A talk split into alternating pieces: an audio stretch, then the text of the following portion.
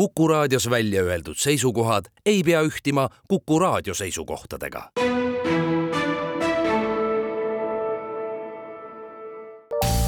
terviseks. saade valmib koostöös Eesti Vähiliiduga tere, head Kuku kuulajad, eetris on saade Terviseks ja ma olen tulnud täna stuudiost välja mammograafia bussi, mis aitaks varakult rinnavähki avastada. kuidas täpsemalt, sellest kohe räägimegi. mina olen Ingela Virkus ja mind on siin kenasti vastu võtnud radioloog, vanemarst, õppejõud Sulev Ulp, tere! tere! Sulev, kui nüüd naine tuleb, astub siia mammograafia bussi me praegu, siin on kaks ruumi, on ju, siin on see esimene eesruum nii-öelda, seal tuleb registreerida vist, öelda enda nimi või kuidas see täpsemalt käib? just, kõigepealt ta tuleb ikkagi, äh, registreerib ennast, tal peab olema isikut tõendav dokument kaasas. Ja siis suunatatakse ta siia.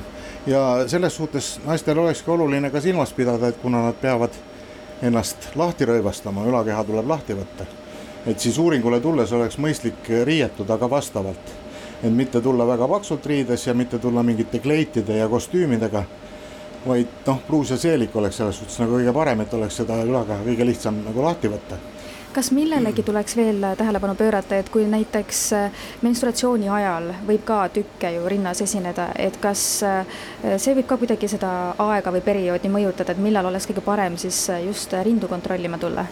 jah, selleks meil ongi tegelikult, me teeme seda uuringut nii-öelda tsükli esimeses pooles ehk siis viiendal kuni viieteistkümnendal päeval peale menstratsiooni. sest siis on rinnad kõige vähem valulikud ja, ja, ja ka kõige pehmemad. et sellise, seda peab kindlasti silmas pidama juba registreerimisel. aga lisaks veel eh, peale riietumise on, on siiski ka oluline, et sel päeval, tähendab nahk peaks olema puhas. et ei tohiks kasutada deodorante, ei tohiks kasutada kreeme ega puudreid sest need võivad anda artefakte piltidele, mis võivad simuleerida mikroobikoldeid aga deodoranti paneme kaenla alla, et kuidas need omavahel seotud on, et sealt ka midagi kontrollitakse, vaadatakse? piirkond jääb ka põikivõttele. nii et selles suhtes noh, sel päeval võiks vähemalt ennem uuringut seda mitte teha. no siin ukse peal on kirjutatud kiirgusoht, me oleme hetkel siin, kas siin praegu kiirgab? ei, kiirgus on ainult ülesvõtte tegemise ajal ja üldiselt see kiirgusoht selles suhtes on küll märgistatud, aga mammograafia puhul on, on siin tegemist väga madalate energiatega.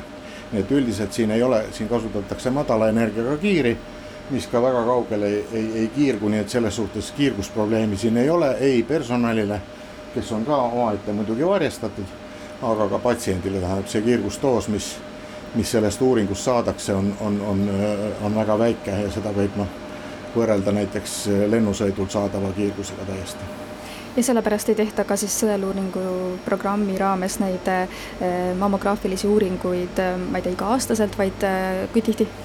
jah, soovitavalt selles põhivanusegrupis viiskümmend pluss on soovitav, praegune te, tehakse kord kahe aasta jooksul ja nagu iga kahe aasta tagant noorematel naistel ja, ja riskigruppidel tehakse ka kord aastas. aga üldiselt ikkagi jah, sest me peame seda kiirgust siiski arvestama ja see on ka üks põhjus, miks me näiteks ka rinnakaebuste puhul alla kolmekümne aastastel naistel mammograafiat üldjuhul ei tee. sellisel juhul on esmaseks uuringuks ultraheli uuring. aga mis me siin ruumis siis näeme, ma ei oska seda isegi kirjeldada, see on selline suur masin. jah, see on selline masin, kus, kus on olemas see nii-öelda üle, ülesvõtteplaat, kus see pilt moodustub. see on fiiber, jah, see on praegu siin on peal nii-öelda, siin tehakse kalibreerimist, siin on peal fantoom aga, aga siin on kompressioonplaat ja, ja see alus, nii et see rind surutakse siia kompressioonplaadi vahele ja see on vajalik selleks, et seda rinda teha õhemaks, et e, pildi moodustumiseks vajalik kiirgusdoos oleks võimalikult väike ja et see rind oleks paigal ja ei liiguks. ja see võib olla natukene ebamugav, tavaliselt ei ole ta väga valus.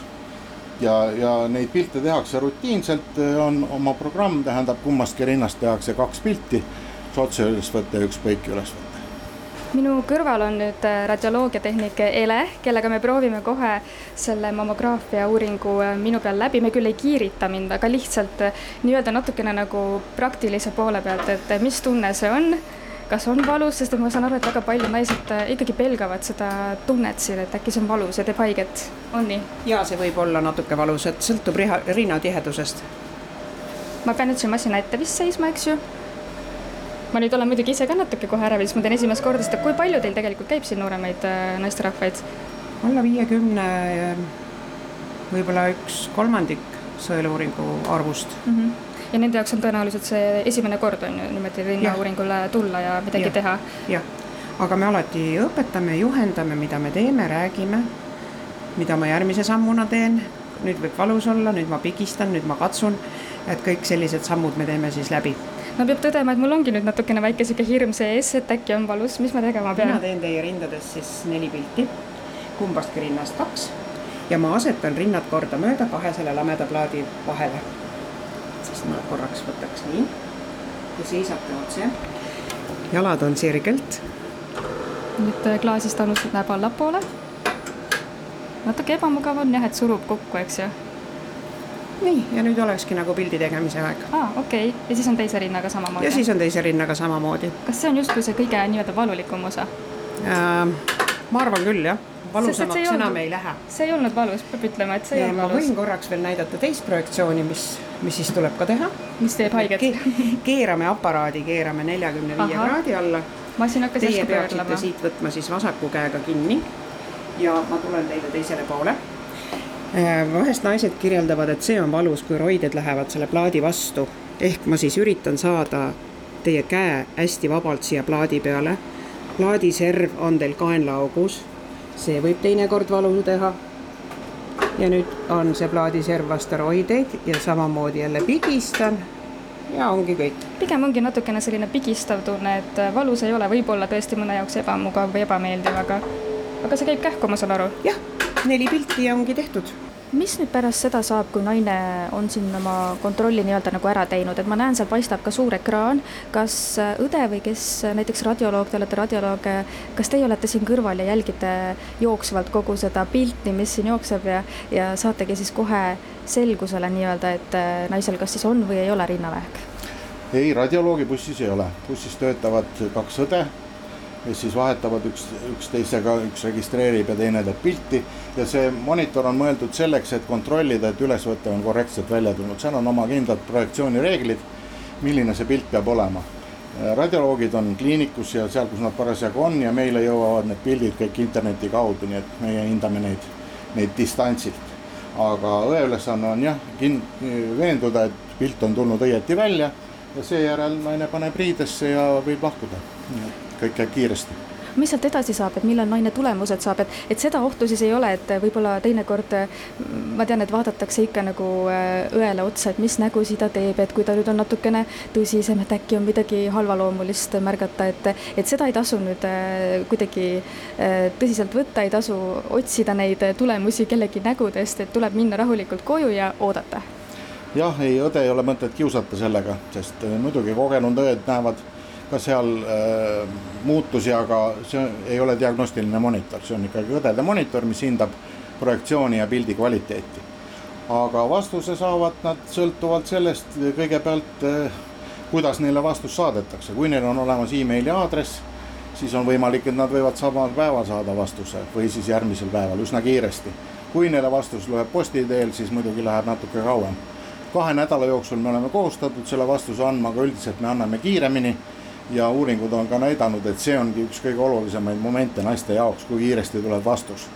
nii et me üritame seda teha võimalikult kiiresti, aga kuna kaks radioloogi, kes hindavad neid pilte, mitte üks, siis paratamatult see natukene võtab aega, aga, aga tõesti, meil on variandid, kus me samal päeval saame juba vastuse anda ja see vastus ei ole kohe vist ilmselt see, et teil on rinnavähk, et pigem te näete lihtsalt muudatust äh, rinna mingis rakus või? vastused jaotuvadki kaheks, enamus neid vastuseid on normvastused, need on standardvastused, tähendab, me ei anna mingisugust kirjeldust.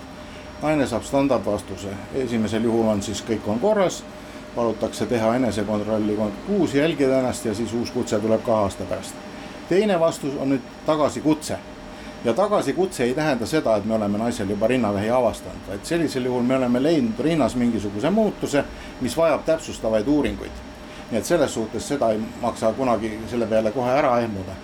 ja seejärel ta siis registreerib ennast eh, jätku-uuringuteks ja seal siis selgub, mis, mis eh, see probleem on ja, ja seal ka ikkagi, kui me ütleme kolm protsenti umbes kutsume naisi tagasi, kes käivad igast sajast uuringu käinud naisest kolm siis tegelikult rinnavähi me leiame tuhandest naisest umbes neljal, neljal või viiel.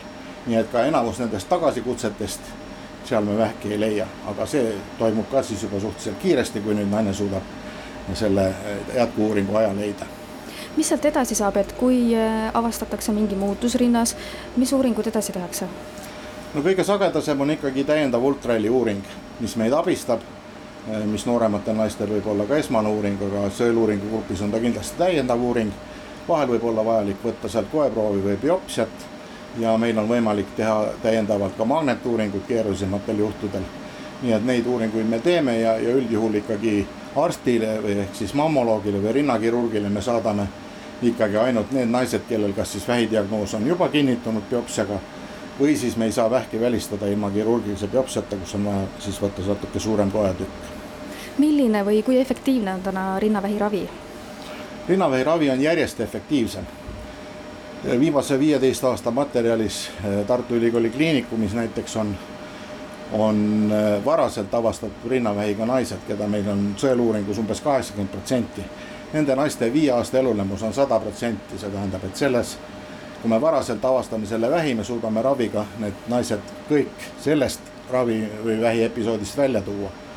Aga järjest rohkem suudetakse aidata ka neid, kellel haigus on juba kaugemale arenenud, siis tehakse ette keemiaravi, mis on ka järjest efektiivsem, nii et ka täna on pilt ikkagi hoopis palju parem, kui ta oli paarkümmend aastat tagasi aitäh teile, radioloog Sulev Ulp, et te mind vastu võtsite ja palju jõudu ja jaksu teile! ma tahaks veel lõppu lisada, et, et siin on äh, juttu olnud, nüüd me oleme praegu tegelikult äh, mammubussis, mis kuulub Vähiliidule.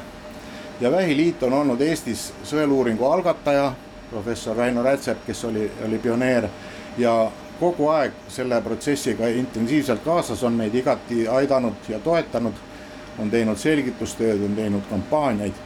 Nii et tegelikult äh, ma tahaksin öelda suured tänusõnad äh, Vähiliidule ja, ja Vähiliidu praegusele juhile Maie Egiptile, kes on hingega asja kallal ja, ja kes on meid väga palju aidanud ja, ja kelle osa selles, et see projekt on õnnestunud Eestis, on väga suur. terviseks. saade valmib koostöös Eesti Vähiliiduga